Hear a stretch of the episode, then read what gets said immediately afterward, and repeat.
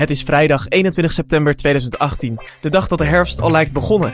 En je luistert naar aflevering 48 van de TechSnacks podcast. Mijn naam is Maarten van Woerkom en tegenover mij zit Raymond Mens. In 40 minuten bespreken wij vier tech-onderwerpen. Welkom bij TechSnacks. Mocht je wat uh, geluid, wat ritselen op de achtergrond horen en wat, en wat wind, dan is het niet omdat we de ramen open hebben laten staan, maar omdat het ongelooflijk waait in Nederland op het moment dat we deze podcast opnemen. Dus de zomer is nu echt wel voorbij en daarmee is ook een eind gekomen aan de Tersnacks zomerdiners. En gaan wij ons uh, reguliere format weer oppakken. Zeker. Um, we hebben een uh, normale uitzending dit keer. Met uh, vier tech-onderwerpen in 40 minuten. Zoals je van ons gewend bent. Tenzij je bent ingestapt bij de zomerdiners. Want we kijken terug op een, nou mogen we wel zeggen, geslaagde reeks zomerdiners. Met een hoop toffe reacties van jullie. En een hoop nieuwe luisteraars ook. Bedankt daarvoor. Iets anders. Nu een reguliere uitzending. Maar volgende week nog even iets speciaals. Podcastfestival? Podcastfestival? Podcastfestival? Podcastfestival. Ja, precies. Een echt podcastfestival. Op 29 september in Lab 111 in Amsterdam. Met workshops, doorlopende activiteiten, liveshows en inhoudelijke panels. Kijk voor meer informatie op podcastnetwerk.nl. En misschien is er wel een secret stage. Je kan kaarten hiervoor kopen op techsnacks.nl slash live. Dat is een handige URL. Als wij ergens staan met TechSnacks Live, kun je dat altijd vinden op techsnacks.nl slash live. En teaser, we doen dit dus vaker. Dit soort live dingen. En dat vinden we heel leuk om te doen. En nou ja, dat kun je dus uh, telkens gaan terugvinden op technics.nl slash live. Op die website, die uh, is nu nog uh, een beetje hetzelfde als ongeveer anderhalf jaar, twee jaar terug. Maar onze sponsor Nodots is druk bezig met het bouwen van een nieuwe website. Dus um, misschien vind je Technex binnenkort in een nieuw jasje. Over ons gesproken, we gaan nog even door met ego-trippen. We staan namelijk op Wikipedia. Eindelijk! We hebben eerder een podcast uh, betiteld tot encyclopedische waarde. Ik kan het nog steeds niet uitspreken, maar we hebben in ieder geval voldoende encyclopedische waarde. Omdat we uh, op Wikipedia staan en de ballotagecommissie uh, doorstaan hebben. Met de hakken over de sloot kan ik je zeggen. Zo, dat scheelde niet veel. Ja, het, het was grappig dat wij zelf die pagina niet hebben geschreven. Dat hebben andere mensen allemaal gedaan. Uh, maar het was wel grappig om dat proces een beetje te volgen. Ja. Dus dat even over ons. Genoeg over ons, we gaan door naar de tech. De nieuwe iPhones zijn onderweg. In de volgende reguliere aflevering van TechSnacks dan gaan we hier even 10 minuten aan besteden. Uh, wat wij van de nieuwe iPhones vinden en hoe dat in het dagelijks leven er mooi in past. Maar... Er was ook nog een klein nieuwtje over de Apple Watch Series 4. Waar jij in de vorige aflevering die we samen met Koen ex-OMT op hebben genomen over de uh, hartslagdetectie. En jij kon niet helemaal, helemaal eruit komen wat dit nou precies inhield. Dat nieuwe nieuwtje. Nee, nee. Nog, nog even over die hartslagdetectie. Hè. Dat is best wel een, een, een complex verhaal. Ik heb mijn best gedaan om dat kort, uh, nou ja, niet eens heel kort volgens mij, maar in ieder geval in Jip en Janneke taal een beetje uit te leggen wat nou een ECG is en wat nou die Apple Watch daarin kan betekenen. Als je dat wil luisteren, moet je even het zomerdiner luisteren met Koen van Tongeren van One More Thing. En vanaf een minuut of 48 volgens mij begin ik mijn uh, uitleg over die uh, ECG, maar gewoon de hele aflevering luisteren, dat is lachen. Ja, jij stuurde een tweet door van iemand. Ja. En even kijken, hoe heb ik hem nog openstaan, want dan kan ik hem gewoon even citeren. Die uh, meneer die zegt: uh, Got some clarity on the Apple Watch background AFib detection. Uh, dus het gaat over die, die ritmestoornis, dat boezemfibrilleren. Watch has to detect an AFib sign six times before it will notify. This is to help minimize false positives. Oké. Okay. Ja, dus ik denk, oké, okay, zuster Maarten, ik, wat moeten we hiervan vinden? Nou ja, dus ik, dat dacht ik ook ongeveer. Want ik dacht, wat bedoelen ze met een AFib sign? En uh, hoezo moet je dat zes keer? Want er zijn een aantal dingen die boezemfibrilleren kenmerken op een ECG. En ik denk dat die uh, Apple Watch voornamelijk kijkt naar de onregelmatigheid van het hartslag, van, van de, de voortgeleiding. Ook dat heb ik vorige podcast uitgebreid uitgelegd. Mhm. Ik denk dus dat het gaat dat hij zeg maar zes onregelmatige complexen telt voordat hij een alarmpje zou geven. Maar een AFib sign, één AFib sign, om te zeggen, oké, als, als je dat ziet, dan is het boezemfibrilleren. Um, ik weet niet hoe de Apple Watch dat moet zien. Hoe je dat kan tellen, zeg maar. Um, dus, Want het is niet dat het kort opkomt en dan weer weg is, zo'n onregelmatige hartslag. Nou ja, dat, dat hoeft inderdaad niet. Um, er zijn een aantal artsen op, op Twitter die ook hierop reageerden. En die vroegen wat in hemelsnaam een AFib-sign is volgens, uh, uh, volgens ja. dit, dit, dit nieuwtje wat hij had verteld. En uh, de, de clarity die hij van Apple had gekregen hierover. Um, het enige reactie die deze meneer daarop gaf was, ja, dat zei Apple. Dat heeft Apple me verteld, ja. ja. Relevant eh, vond ik het eigenlijk niet. En ik kan er niet heel veel wijs uit worden. Dus wat de hartslagmeter precies gaat detecteren en hoe en hoe die thresholds zijn, dat houden we nog te goed. Ik ga hier Apple ook vragen over stellen die jij voor mij mag opschrijven en dan leg ik ze voor. Uh, want jij weet er immers het meeste van. Uh, de Apple Watch heeft naast uh, een hartslagmeter ook valdetectie. Dat was een functie waar wij wel van onder de indruk waren. Nu blijkt dat die alleen aanstaat, standaard, als de gebruiker van de Apple Watch 65 plus is. En anders moet je hem handmatig aanzetten. Oh, maar dus, hij wordt dus automatisch aangezet bij gebruikers boven 65? Ja, dus als jij in je gezondheid app hebt aangegeven dat jij aan de hand van je geboortedatum dat je 65 jaar of ouder bent, dan wordt die uh, valdetectie automatisch ingesteld. Anders kun je hem gewoon via de uh, Health app kun je hem aanzetten. En blijft hij ook aan als je hem in rolstoelmodus zet eigenlijk? Dat heb ik nog niet geprobeerd. Dat zou wel een interessant experiment zijn. Komen we op terug. Je kan natuurlijk ook uit je rolstoel vallen. Ja. Goed, nou ja, dat over de Apple Watch. Daar gaan jullie uitgebreid ongetwijfeld nog een keer meer over horen. Maar we gaan het nog even hebben over de iPhone 10s. En daar gaan we het eerste blokje doen. Uh, maar wees gerust als je niet helemaal van de Apple bent. Technics is immers geen Apple podcast. Um, we gaan het daarna uitgebreid hebben over andere smartphones. En we gaan het hebben over uh, googelen wat ICT ook alweer betekent. Teaser dit hoor. Nou, nieuwe details over de iPhone 10s. Vorige keer toen we de podcast opnamen waren, was het nieuwe toestel net aangekondigd. En inmiddels uh, is die ook te koop in Nederland. Sinds vandaag stond vanochtend een aardige rijtje bij de Apple Store in Amsterdam met mensen die gereserveerd ja, hadden. Stonden er, echt, stonden er echt mensen in de rij? Ja, hier? nou ja. Dat hoeft toch al jaren niet meer? Je kunt natuurlijk zeggen, ik reserveer hem online en dan kom ik hem om 9 uur al ophalen. Dus het is dan vooral een mens, uh, rij met mensen die op aan te halen zijn. Maar dat weerhoudt Apple er niet van om gewoon het hele klap en deuren open en J-ritueel gewoon te doen, kan ik je vertellen. Huge, amazing. Ja, nou ja, de eerste Amerikaanse reviews kwamen eerder deze week uit en die waren een beetje meh of zo. Meestal waren de reviews de afgelopen jaren wel enthousiast over een nieuwe iPhone, maar dit was wel heel erg een S-model. Misschien nog wel meer dan de voorsta- voorgaande jaren. En met een S-model bedoel je? Een, uh, tussen, een tussen-iPhone. Dus niet de radicale vernieuwing, maar de opvolger van de radicale vernieuwing. Een beetje gefine-tuned iPhone. Ja. Apple legde heel erg de nadruk op het scherm bijvoorbeeld. Dat dat uh, veel mooiere kleuren zou hebben en een veel betere kleurweergave. En eigenlijk zeggen alle uh, reviewers, Amerikaanse reviewers, ja, het is eigenlijk met het blote oog niet te zien. Het was al mooi diep zwart. Het is nu nog steeds mooi diep zwart. Um, dat wil niet zeggen dat het niet technisch klopt wat Apple zegt. Want er is ook altijd een uh, site die heet DisplayMate. En die meet alle schermen altijd helemaal door. Dus daar horen we ongetwijfeld meer over. Maar op het oog voor het scherm hoef je het niet te doen. Uh, de iPhone 10s Max wordt gemiddeld ontvangen door mensen met uh, grote handen en slecht door mensen met kleine handen. Vrij logisch. maar, it's huge like my hands, man. It's huge. De Trump Edition. Maar wat mij uh, opviel in de reviews is dat heel veel uh, reviewers schrijven dat ze hadden verwacht dat Apple iOS meer had aangepast aan het grotere scherm. Want dat is eigenlijk niet zo. Er kan geen extra icoontje meer op het scherm, bijvoorbeeld. Uh, ondanks dat het heel veel groter is. En er is ook niet, uh, wat Samsung wel heeft, de picture-in-picture mode bijvoorbeeld. Dat je een filmpje kunt blijven kijken. Ah, dus het is niet geoptimaliseerd voor de iPhone XS Max. Je betaalt zeg maar bijna 1600 euro voor je nieuwe telefoon en dan krijg je een opgeblazen versie van iOS. Nou, op, in Safari en Mail en zo is natuurlijk wel gewoon meer detail te zien. Maar apps van derden moeten nog geoptimaliseerd worden en die worden nu gewoon een soort van opgeblazen. Dus je ziet in de Twitter-app bijvoorbeeld evenveel tweets op je scherm. En ook alle interface-elementen van iOS, zoals het Control Center, die zijn gewoon wat groter. Daar heeft Apple niet echt iets aangepast. En dat vond ik wel jammer, want juist zo'n echte phablet, zeg maar, met een echt, echt, echt groot scherm zou uitermate geschikt zijn, omdat ze op de iPad wel doen. Die picture-in-picture mode bijvoorbeeld en splitscreen. Ja, wat ik begreep is dat de bereikbaarheid van het scherm wel echt, uh, nou ja, nog lastiger is. Hè. De toestel is ongeveer even groot als de Plus-modellen van de iPhone, uh, dus de iPhone 8 Plus. Ja. Um, alleen vergeet niet dat de iPhone 8 Plus uh, beneden en boven nog meer dan een centimeter aan rand heeft zitten, waar geen scherm zit. Padding, ja. En dat heb je bij de iPhone XS Max heb je dat wel. Ja. daar heb je wel scherm zitten, dus daar moet je ook bij met je duim. Dus wil je het control center dan echt naar beneden swipen, dan moet je ongeveer 3,5 meter naar voren met je duim uh, door je iPhone. En dan moet je je iPhone met twee handen vasthouden. Ja, dus het is echt een, of een toestel voor mensen met hele grote handen of mensen die het geen probleem vinden om met twee handen een toestel te bedienen. Je hebt natuurlijk dat reachability nog steeds. Dat werkt ook met de iPhone zonder homeknop. Uh, dat werkt nog steeds wel. Ja. Maar inderdaad, verwacht niet dat je zonder enorme duimen yoga zomaar het bovenste icoon of de terugknop zal aan kunnen tikken. Want dat moet dan echt met twee handen. En het valt me eerlijk gezegd een beetje tegen. Want de iPad mini horen we niet zoveel meer van. Maar we dachten allemaal van, oh, voor iedereen die op handig formaat productief wil zijn, krijgen we dan die grote iPhone. Maar er zit vervolgens geen enkele iPad-handigheid in. Nee, maar misschien komt dat nog bij iOS 12.1. Um, daar verwachten we ook meer van bij Face ID. Want met iOS 12 is Face ID een klein beetje sneller, marginaal sneller dan op de iPhone 10.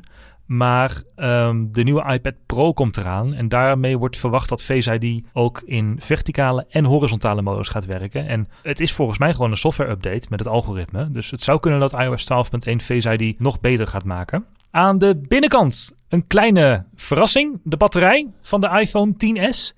Die is kleiner dan die van de iPhone 10. Um, 2658 mAh en de iPhone 10 uit 2017 had 2715 mAh.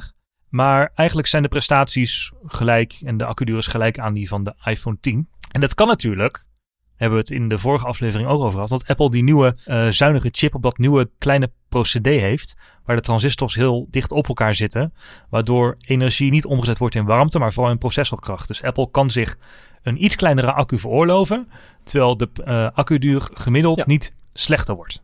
En de iPhone 10s was ook interessant. Hoeveel, uh, de 10s Max was ook interessant hoeveel accu die heeft. 3147 mAh. En dat is minder dan bijvoorbeeld de Galaxy Note 9, want die heeft een huge, we hebben het hier over huge, accu van 4000 mAh. Maar het grappige is dan weer dat hij in diverse batterijtests van reviewers het iets beter doet, die X6 Max, dan de Galaxy Note 9. Oh ja, maar de Google Pixel 2 XL die spant de kroon met uh, meer dan 12 uur batterijtijd. Ja, meer dan 12 uur browsen via 4G. En de iPhone 10s Max doet het 11 uur en 30 minuten. En de Galaxy Note 9, die dus zo'n enorme accu heeft, 11 uur en 26 minuten. Blijkt uit de benchmarks van Tom's Guide. Dus daarmee weet Apple eigenlijk de meeste concurrenten, ook de OnePlus bijvoorbeeld, de OnePlus 6, voor te blijven met een kleinere accu, maar toch door die optimalisatie van die chip, dat ze dat toch wel goed in, uh, in de vingers hebben. Maar goed, dit was niet zeg maar wat de hoofdtoon voerde in de reviews. Er werd veel aandacht besteed aan de camera. Ja, want Apple had het natuurlijk wel over computational photography. En dat dat allemaal zou betekenen dat we heel veel betere foto's gingen zien, ook met smart HDR. Maar ze hebben eigenlijk nog een boel niet verteld in de onthulling. En dat kwam gelukkig wel in de reviews naar voren, waardoor we er nu het nodige over weten. Die camera heeft bijvoorbeeld ook grotere pixels. En dan denk je, grotere pixel is toch slechter? Uh, meestal als je aan pixels denkt, denk je dat ze zo klein mogelijk moeten zijn. Ja, op de sensor. Ja, op de sensor zitten inderdaad grotere pixels, maar het aantal pixels is niet afgenomen. Dus. Maar, en dat betekent dus dat er meer licht op de sensor kan vallen. En dat er meer ruimte is voor licht. Dus dat je in uh, slechte belichting toch mooiere foto's krijgt. Ja, en dat is ook goed te zien. Um, en daardoor wordt ook, uh, er is ook nog iets veranderd, namelijk de brandpuntafstand, oftewel de beeldhoek. De camera heeft een iets lagere brandpuntafstand, wat betekent dat de beeldhoek van de lens iets groter is. Het gaat dan gewoon over de uh, gewone lens, niet de telefotolens. En door die combinatie van die twee dingen is een langere belichtingstijd ook mogelijk. De iPhone 10 kon maximaal een derde van een seconde uh, de sensor open hebben staan, zeg maar. Um, maar de iPhone 10s kan dat een seconde lang. Dus als je in het donker foto's maakt met een tripod, je moet er wel echt een stabiele ondergrond hebben. Dan worden die daardoor uh, heel veel mooier. Ja, en vergeet niet dat je meer centimeters op je foto krijgt daardoor. Ja. Niet door de langere belichtingstijd, maar wel door de breedte afstand in de beeldhoek. Ja, dus dat, is, uh, dat zijn allemaal interessante verbeteringen die tijdens de aankondiging eigenlijk nergens te bekennen waren. Best vreemd. Ja, hey, uh, opvallend dingetje. Het is natuurlijk belachelijk duur. En dat is eigenlijk een trend die Apple wel nou ja, de afgelopen jaren doorzet. Uh, er worden ook niet meer iPhones verkocht, maar Apple maakt toch meer winst. En dat komt gewoon omdat ze meer geld vangen voor die iPhones. En er zijn mensen zo gek om het ervoor te geven. In 2016 betaalde je namelijk nog voor de iPhone 7 769 euro. Um, en 909 euro voor het Plus model. Een jaartje later, met de iPhone 8, um, uh, gingen we weer een stapje omhoog. Dat werd namelijk 809 euro en het plusmodel voor 919 euro. Uh, en de iPhone 10 die kwam toen op de markt voor 1159 euro. Uh, dat, dat zijn natuurlijk bizarre bedragen. En nu, nou ja, we hebben ze al vaker genoemd, kun je echt heel veel geld kwijt aan die iPhone. de 10R die we nog verwachten, de XR, die zal vanaf 859 euro beschikbaar zijn. Dat is nog steeds een enorme prijs voor een premium toestel. Ja, maar wat je daar dus in ziet, is dat de goedkoopste nieuwe iPhone die je kon kopen, is de afgelopen twee jaar van 769 euro naar 859 euro gegaan. Tuurlijk krijg je dan een groter scherm en meer specs en Face ID erbij. Maar de instapprijs van iemand die gewoon een nieuwe iPhone wil, het model van dit jaar, die is dus echt wel met 90 euro omhoog gegaan. Ja, ik probeer dan altijd mijn eigen schuldgevoel een heel klein beetje in te dammen door te zeggen, ja, maar ik gebruik hem ook echt heel veel. En kijk dan hoeveel ja. geld je kwijt bent aan je dagelijkse dingen die je nog meer heel veel gebruikt. En denk, oké, okay, nou dan geef ik het er wel aan uit. maar dat is ook alleen maar een Tom Smoesje. En het is natuurlijk ook een logisch, een logisch gevolg. Hè? Apple wil zijn winstmarge behouden. Dus die doet het niet in één keer een klap duurder. Maar gewoon de afgelopen jaren is er steeds nou, 50 euro bijgekomen bij het instapmodel. En ja, dat tikt toch wel aan. Ja, absoluut, absoluut. En ook bij de winst van Apple. Ja, en ook dat heel veel uh, websites in de review nu de 10R het budgetmodel noemen. Ja, dat is die eigenlijk in geen enkel opzicht. Nee, nee, zowel qua toestel niet als qua prijs niet. Hij is veel duurder dan de nieuwe iPhone uit 2017 en 2018. En hij heeft gewoon te veel functies voor een budgetmodel. Ik verwacht hè, dat voor die iPhone 10R, dat daar echt een twee keer zo lange rij voor de Apple Store gaat staan. Ja, ik ben heel benieuwd hoe die verkoop zal gaan. Maar ja, zo'n dure telefoon, dat wil gewoon niet iedereen. En dat snap ik ook heel erg goed. in het rijtje van de iPhone 10s uh, en 10R woordgrapjes, de iPhone extreem duur. Uh, ja, dat is gewoon, dat is gewoon niet voor, voor iedereen. En uh, omdat mensen hun prioriteit niet hebben liggen of daar niet zoveel geld aan willen uitgeven. een andere keuze daarin maken. Um, en bij het volgen van het technieuws voor de reguliere uitzending van TechSnacks, toen vielen mij een aantal telefoontjes op die wat in de midrange categorie zitten qua prijs. Dus mm -hmm. nou, in ieder geval zo 500 euro of minder. Waar wel hele gave dingen in zaten. Ik heb drie telefoons geselecteerd die recent zijn uitgekomen of nog uh, uitkomen gaan en gelanceerd zijn, dus aangekondigd zijn. En dat zijn drie telefoons, dus in het middenklassement met wel wat gave eigenschappen. Ja, die, die een beetje opvallen tegenover de ja, gewone ja. telefoons, zeg maar. Die iets unieks hebben.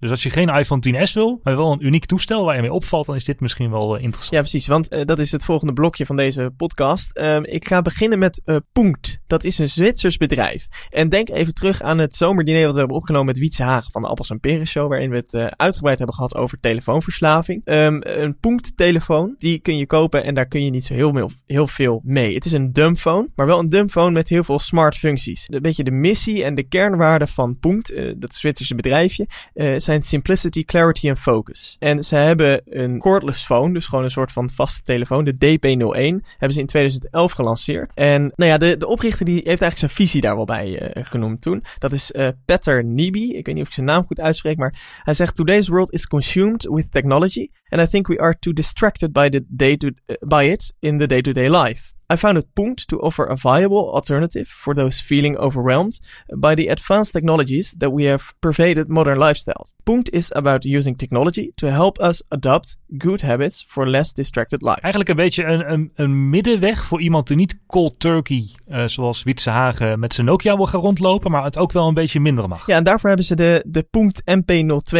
aangekondigd. En dat is een toestel Um, uh, wat, wat een beetje langgerekt en uh, smal ziet. Het is 11,7 centimeter hoog bij 5,1 centimeter breed en hij is 1,44 centimeter uh, dik. Het dingetje weegt 100 gram en het heeft een klein schermpje. En dat is een zwart-wit Transflective LCD display. Dat is een display wat goed in de zon te lezen is. Um, met een resolutie van 320 bij 240 pixels. Ja, het is een schil contrast bij de OLED-schermen waar we het hele over hebben. Maar het interessante van deze telefoon is dat het dus een, uh, geen smartphone is, maar hij kan wel uh, 4G aan. Uh, er kan één nano-simmetje in. Hij is van kunststof en hij is spatwaterdicht. Het ziet er een beetje ja, netjes designish uit. Um, er zit een Snapdragon 210 sok in, wat van binnenkant is eigenlijk wel een smartphone. Hij heeft 2 mm gram, 16 gig opslaggeheugen en hij draait op Android 8.1. Ja, het is gewoon eigenlijk een, een simpele Android eigenlijk, maar dan wel aangepast. Niet dat het zeg maar de netboek onder de telefoon is, maar wel een nette telefoon die gewoon bewust simpel is gemaakt en niet ja goedkoop simpel ja. of zo. Ja, het, is, het, het heeft ook een simpele interface. Um, het is inderdaad, het geeft niet de feeling van een, van een cheap toestel, zeg maar. Je hebt wel een mooi toestel vast, um, maar een, een, simpele, simpele, overzichtelijke interface. En uh, BlackBerry encryptie op de berichten. Dus je berichten zijn ook uh, netjes encrypted. En die kun je ook in uh, dialoog gewoon onder elkaar zien in een draai. Maar kun je er ook apps op installeren dan? Nee, nee, nee. Je kan wel notities maken. Dus je een klok, wekker, een alarm op. Een rekenmachientje, een agenda en een stopwatch. Dus je kan wel wat meer dan alleen bellen. Okay. Maar echt apps als Facebook, Instagram en zo niet. Dat is dus heel bewust bij de visie van het bedrijf. Ah. Wat wel interessant is, is dat je hem... Eh, er zit een 4G-chip in. Je zou dan denken, waar gebruik je die voor? Je kan hem inzetten als wifi-hotspot. Oh ja. Deze telefoon die kun je uh, kopen via de website van Punkt. Kost 329 euro. Dus het is geen hele goedkope telefoon. Maar het is dus inderdaad een smartphone die bewust wat dom gehouden is. Ja, dus een, een soort van, ja, wat ik al zei, een goede middenweg tussen een volledige afleidingsmachine en de Cold Turkey Nokia 3310. Ja, ja interessant. Ja, ik vond, een, ik vond het een tof toestel. Mochten we nog een uh, reviewmodel uh, kunnen regelen, dan gaan we hier zeker wat meer aandacht aan besteden. Want ik vind het wel een, een interessant dingetje. Ja, mocht je toch wat meer willen uit je smartphone, dan alleen een wifi-hotspot kunnen maken, dan kun je beter kijken naar de Xiaomi Mi 8 Pro. Dat is uh, de Chinese fabrikant die bekend is van ja, toch wel een beetje de Apple namaak die ze maken. Maar uh, dat betekent niet dat het slecht werkt. Um, ze hebben een toestel en dat is eigenlijk een doorontwikkeld toestel van de Mi 8 Explorer Edition. Hebben ze gelanceerd. En dat is een smartphone uh, waarbij je kan kiezen. En dat was bij de Explorer Edition ook al zo. En dat vond ik echt een toffe, ja, best wel vette gimmick. Met een transparante achterkant. Oh, cool. Dus dan kijk je zeg maar naar de binnenkant van de telefoon. Je moet eens googlen. We zo'n plaatje in de show notes neerzetten. Oh, dat is wel heel gaaf. Ja, ja, dan kun je echt de binnenkant zien. En dan kun je bij die Mi 8 Pro, dat kan ook. Maar wat zit er nou in? En dit kennen we uit de Apple geruchten. Uh, maar Apple heeft het niet in zijn telefoons gestopt. Er zit een vingerafdrukscanner achter het scherm. Oh ja, ja die komen er natuurlijk ook aan. Dus, zij, dus, dus Xiaomi heeft het voor elkaar gekregen om die vingerafdrukscanner achter het scherm te bouwen. Um, dus mm -hmm. je kan die telefoon unlocken met je vingerafdruk. Er zit ook een soort van Face ID-achtige functie op. Voor de rest ziet de telefoon er een uh, beetje bijzonder uit. Dat wil zeggen, hij ziet er een beetje uit als de iPhone 10, namelijk met een ah, notch. Zoals de meeste Androids tegenwoordig ook hebben. Precies, en verder een uh, ja, uh, bijna edge-to-edge -edge scherm. Mm -hmm. Om even specifiek op de specificaties in te gaan. Het heeft een 6,21 inch OLED scherm, dus met, met die notch. En 2248 bij 1080 pixels. En dat is een hogere resolutie dan de iPhone 10R. Ja, draait op een Snapdragon 845. Keurig heeft twee cameralensen. Twee 12 megapixel cameralensen met een diafragma van respectievelijk 1.8 en 2.4. En een 3000 mAh batterij. En wat denk je dan? Ja, moet je voor neertellen, want dat zijn best oké okay specs. Uh, het klinkt wel hip. De schatting is dat hij in Europa uh, rond de 400 euro gaat kosten. Uh, de Mi 8 kost overigens 500 euro in Europa. Dat, maar echt tussen de 400 en 500 euro, dan krijg je dit toestel. Nou, dan heb je toch een soort van iPhone 10R zonder iOS natuurlijk, maar wel met een nette, nette camera. Goed scherm, zeer goed scherm met die resolutie. Uh, notch model en die vingerafdrukscanner in het scherm ben ik ook heel benieuwd naar. OnePlus uh, komt daar binnenkort ook mee met de OnePlus 6T. Daar gaat ook een vingerafdrukscanner in het scherm zitten. Dus of die techniek volwassen is, kunnen we binnenkort al proberen. En uh, mijn collega's van Want, die krijgen een review model van de OnePlus 6T. En dan kunnen we inderdaad zien of die vingerafdrukscanners in het scherm echt, echt iets zijn. En die Mi 8 Pro heeft dat dus ook. Dat ga je later horen in de TechNext podcast. Ik heb nog één toestel gevonden en dat is voor als je bij leeft, hoe meer, hoe beter. Uh, maar je toch geen iPhone 10 Max Trump Edition wil. It's huge. Dan uh, heb je misschien wat aan de Samsung Galaxy A7. En Samsung, uh, de Galaxy series kennen we natuurlijk van de Galaxy S8, et cetera. de A7 is de, de lijn die daar volgens mij net onder zit. Ja. of tenminste, niet de A7, maar de A-series, moet je eigenlijk zeggen. En dit toestel, de A7, is vanaf oktober beschikbaar en zal 349 euro gaan kosten. En waarom? Uh, hoe meer, hoe beter. Deze smartphone heeft maar liefst vier camera's. Zo. ja, uh, daar heb ik de frontcamera wel bij uh, meegeteld, want dat klonk leuk. Ah. Um, maar we gaan het even hebben over de camera's op de achterkant, want daar zitten er drie in. Uh, de primaire camera heeft een maximale resolutie van 24 megapixels, een diafragma van 1.7 en hoor. een beeldhoek van plus minus 70 tot 75 graden. Dan zit er nog een groothoeklens op, met een beeldhoek van 120 graden en een diafragma van 2.4 met een resolutie van 8 megapixels. Dus dat is de tweede camera. Er zit dan nog een extra camera in om de diepte in te schatten voor het vervagen van de achtergrond. Dus de portrait functies die we kennen van de premium telefoon. Oh, die heeft een dedicated camera. Ja, met een 5 megapixel sensor en een diafragma van 2.3. Dat betekent dus dat je een uh, tof toestel voor 349 euro, een nieuw toestel kunt krijgen, uh, net uit, die dit soort portrait functies kan gaan doen. Dat is natuurlijk wel interessant. Uh, hij ziet er ook best wel uit als de topmodellen van Samsung. Hè? Op de looks is die geen goedkoop uh, aftreksel, geen Ja. slap aftreksel. Nog wat meer specs, want het is inderdaad een uh, nou ja, vrij grote telefoon. 168 gram, een 6 inch OLED scherm. Dus ook voor deze prijs krijg je een OLED scherm van 2220 pixels bij 1080. Met 4 gig RAM, 64 gig opslag, natuurlijk 4G. En een vingerafdrukscanner, die zit hier op de zijkant Nou, en dit voor 349 euro, hè? Ja. En als je dat dan vergelijkt, natuurlijk is het niet te vergelijken, want appels en peren, ik weet het maar. Apple heeft nu officieel niets onder de 500 euro. Dan begint namelijk de iPhone 7. Maar bij de iPhone 7 krijg je geen dubbele camera, geen OLED-scherm, maar wel een iPhone en iOS. Maar zou Apple dan niet ook eens wat in deze markt met misschien een SE2 voor 350 euro moeten gaan doen of zo? Want dit klinkt allemaal wel, zeg maar, op gebied van specificaties en looks, is er op die toestellen eigenlijk niks aan te merken. En Apple laat daar wel een gat liggen. Ik denk het ook. Ik denk zeker dat Apple daar ook wat gaat missen aan mensen om het ecosysteem in te krijgen. En dat is natuurlijk wel een van de strategieën Ja. geweest van Apple om mensen eh, via toegankelijke apparaten toch nou ja, het ecosysteem in te krijgen. Maar misschien hebben ze wel zoiets van, nou, we gaan weer helemaal terug naar het echte premium merk wat we willen zijn. En we gaan alleen maar hele dure apparaten verkopen voor de mensen die dat graag willen. Ja, en nou ja, nu is het met een abonnement natuurlijk altijd zo. Als je je toestel bij een abonnement neemt, dat je dan niet heel erg iets van 200 euro meer merkt, omdat dat grotendeels omgezet wordt dan naar 2 euro per maand extra. Dus wil je dan zo'n Galaxy of wil je een echte iPhone voor 200 euro per, of 2 euro per maand extra? Ja, dan denk ik dat ik het voor mezelf het antwoord wel zal weten. Ja, maar goed, als ik toch mensen zou uh, moeten gaan adviseren en zou moeten zeggen van nou, wanneer heb je nou het meest waar voor je geld? Je krijgt wel echt meer, uh, bijvoorbeeld bij die laatste Galaxy A7, dan dat je aan spullen krijgt voor, je, voor je iPhone 7. Ja, als je inderdaad alleen naar gewoon value for money qua specificaties en technische dingen kijkt, dan krijg je meer. Ik durf nog niet te zeggen, ik ga binnenkort een week met een Galaxy Note 9 op pad als primaire telefoon. Uh, ik weet niet of ik daar heel erg blij mee moet zijn, maar de software van Samsung en zo heeft mij nog niet overtuigd. Maar gewoon op papier, het plaatje van die telefoons klopt gewoon. Het ziet er goed uit, goede specs en lage prijs. En dan zie ik Apple met een iPhone 7 uit 2016 aankomen voor 519 euro. En dan denk ik, hmm. Hm, inderdaad. En uh, mocht je nou ook net als ik nieuwsgierig zijn geworden naar die telefoons, links in de show notes. Ja, hey, maar op die telefoons dus geen iOS en geen iOS 12. Nee, het is nu uh, net geen week uit en we hebben het alle twee geïnstalleerd. En één ding waar we wel uit kunnen concluderen dat Apple zijn belofte heeft gehouden, is de snelheid van iOS 12. Ja, dat gaat lekker. Uh, we hebben het natuurlijk al uitgebreid een keer gehad over iOS 12, dus we gaan hier niet heel veel over um, uitweiden.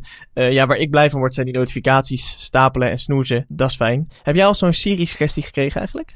Nee, want, nee, want Siri zou wel uh, gaan bepalen als je bepaalde notificaties van de app nooit opent of altijd wegveegt. Dat hij dan zegt van, hé, hey, ik heb gezien dat je deze app eigenlijk nooit opent. Moet ik de notificaties uh, groeperen of juist stil naar je berichtencentrum uh, zetten? Dat zou erin moeten zitten, maar ik heb het nog niet voor elkaar gekregen om dat te triggeren. Maar waarschijnlijk moet dat gewoon een aantal weken met even de smart learning, machine learning die moet gaan leren ja. aanstaan. Waar we het niet over hebben gehad, over binnen iOS 12, is Siri Shortcuts. En daar is het misschien wel nog zin om even wat aandacht aan te besteden. Ja, dat zijn eigenlijk twee bouwstenen. Je hebt standaard in iOS 12 heb je nu Siri shortcuts. Die verschijnen onder andere op het lockscreen uh, met uh, interessante suggesties die op jouw uh, iPhone gedrag gebaseerd zijn. Maar het leuke daarmee is dat je eigen Siri commando's kunt gaan bouwen. Dus als je naar instellingen gaat en dan naar Siri, dan zie je eigenlijk wat voor acties jij vaak op je iPhone doet. Dus bijvoorbeeld in de NS-reisplanner een route naar Rotterdam Centraal plannen, bijvoorbeeld. Of de eerstvolgende treinen van Rotterdam Centraal opvragen in die app. En dan kun je dus nu met Siri Shortcuts kun je vanuit het Siri-menu een opdracht plannen voor Siri en daar ook een spraakopdracht aan koppelen. Dus dat hij meteen in die app naar dat scherm gaat. Of de informatie voorleest. Dus je kunt dan tegen Siri zeggen: Hallo uh, Siri, toon mij de vertrektijden vanaf station Rotterdam Centraal. En dan wordt die info meteen door die shortcut die je in hebt gesteld uit die app gehaald. Dat is de basisversie. En daarmee kun je al best een hele hoop. Ah, Want het was altijd een beetje gedoe. Ja, Apple zet wel Siri open voor bepaalde apps maar niet voor alle apps. En bijvoorbeeld reisapps en route-apps en podcast-apps kunnen niet met Siri integreren. Siri blijft natuurlijk gewoon een beetje achter bij de andere persoonlijke assistenten. Ja, maar met die Siri shortcuts hebben ze dat dus wel opgelost dat je je eigen commando's kunt bouwen. Dus ze hebben niet gezegd van we gaan die strategie die we hadden om het steeds voor een klein beetje meer categorieën apps open te zetten. We gaan gewoon deep links in apps als het ware door jouzelf aan Siri-commando's kunnen laten koppelen.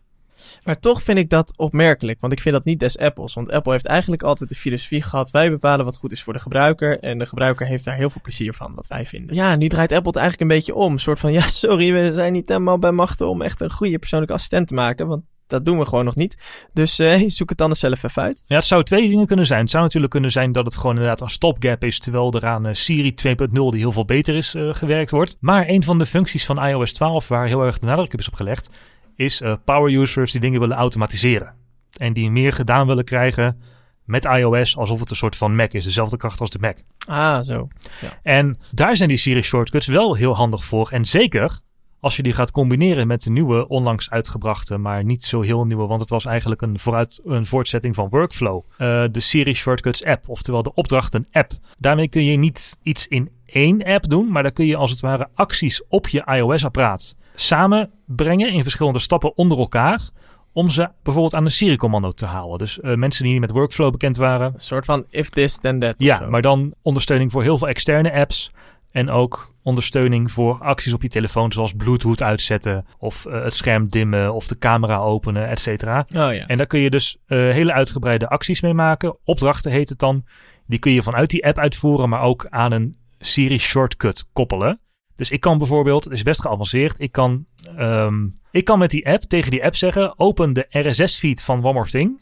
filter, want er zitten ook filters en scriptfuncties in. Filter de artikelen op de uh, berichten met de datum is vandaag.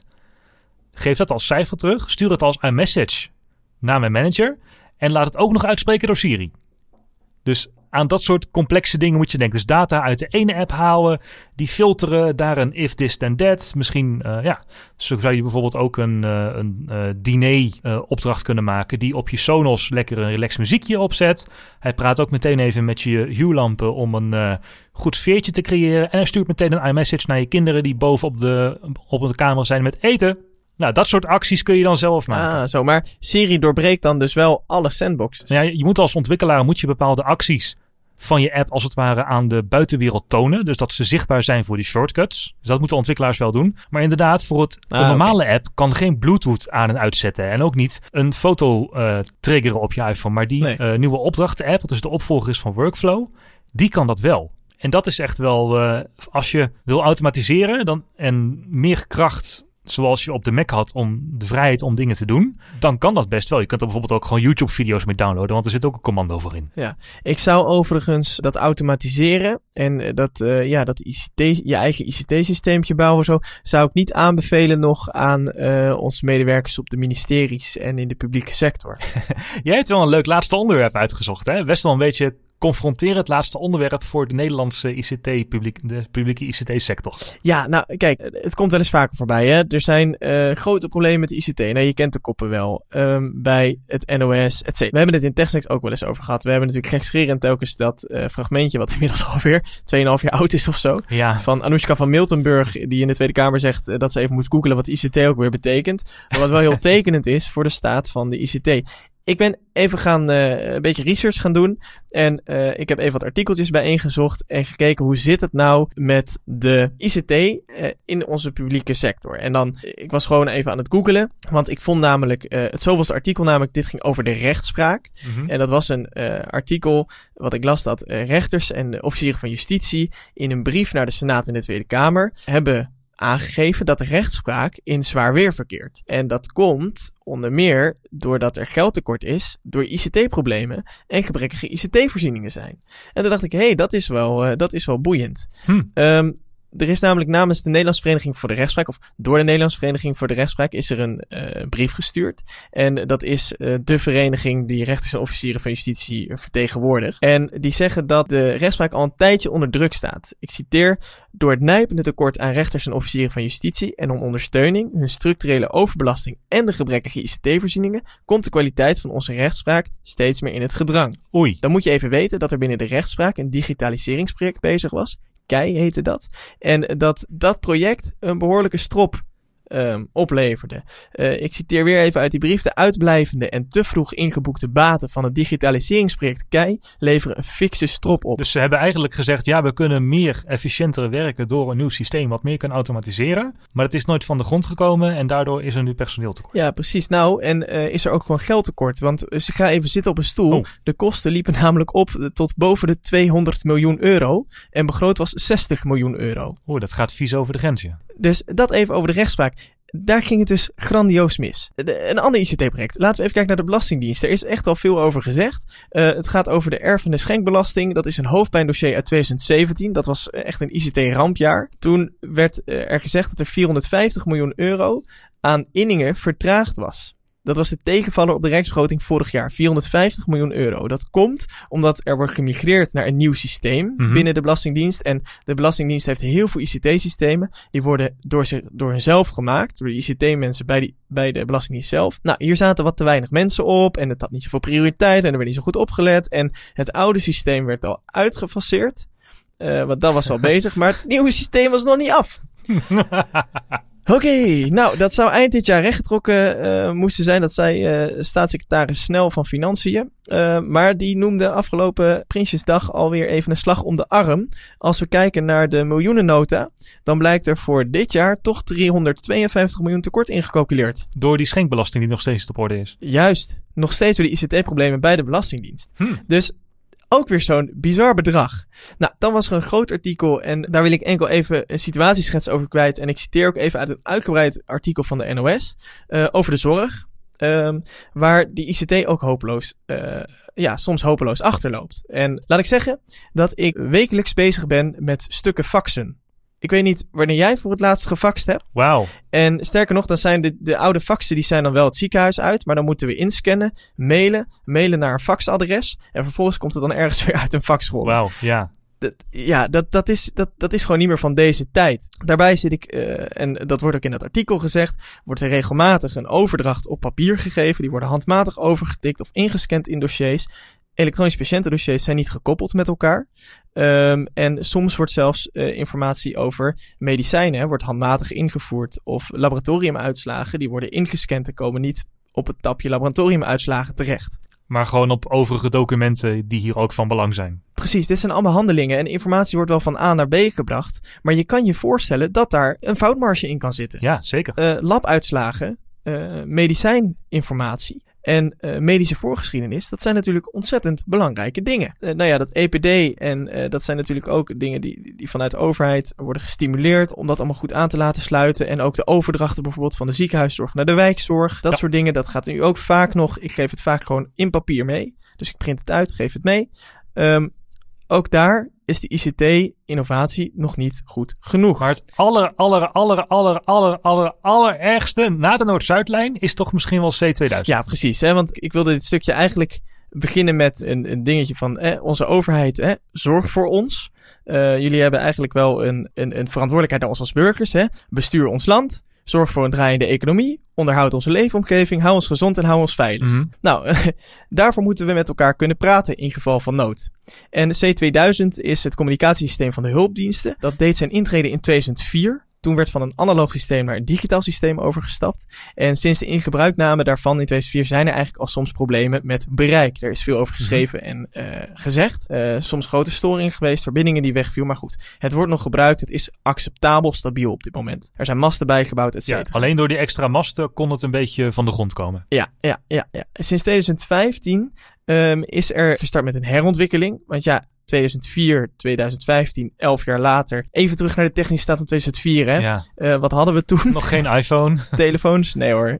geen iPads, allemaal niet hè. Dus sinds 2015 herontwikkeling, communicatienetwerk. Uh, dat moest echt worden aangepakt. En er wordt gewerkt met pagers, met P2000, mobiele phones, portofoons, uh, de walkie-talkies, de C2000 en de radiobediening van de meldkamer, het M2000. P2000 is in de pager systeem, hoe heet het, is in juni dit jaar eindelijk uh, geïmple geïmplementeerd. Dus 2015, 16, 17, 18, dat is drie jaar verder. C2000 zou dit najaar worden geïntroduceerd, is vertraagd. Wordt waarschijnlijk volgend jaar. M2000, voor de meldkamers, de radiobediening, dat duurt zeker nog een jaar. Dus eigenlijk zouden ze het betere, een betere M2020 kunnen noemen. Eer, precies, eer dat we dit geïmplementeerd hebben, zijn we misschien wel weer toe aan de volgende herontwikkeling. Raymond, hoe kan dit nou? Als we dit even samenvatten, in de rechtspraak gaat het mis, bij de uh, hulpdiensten communicatie gaat het mis, in de zorg gaat het mis.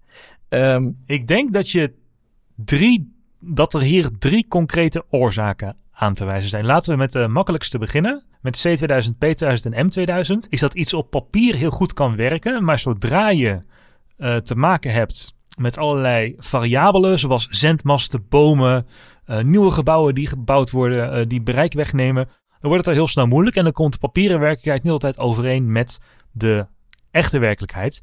En je hebt ook nog bepaalde stralingsnormen waar je aan moet voldoen. Dus dit project, oké, Uh, het is misschien uh, verkeerd opgezet, maar dat ze nu binnen drie jaar zo kunnen schakelen. 2015, 2018, 2019 is nog niet eens zo heel slecht. Als je bedenkt dat het allemaal via de lucht moet en dat daar bepaalde regels en normen en wetten en obstakels voor zijn. Oké, okay, maar iets breder getrokken.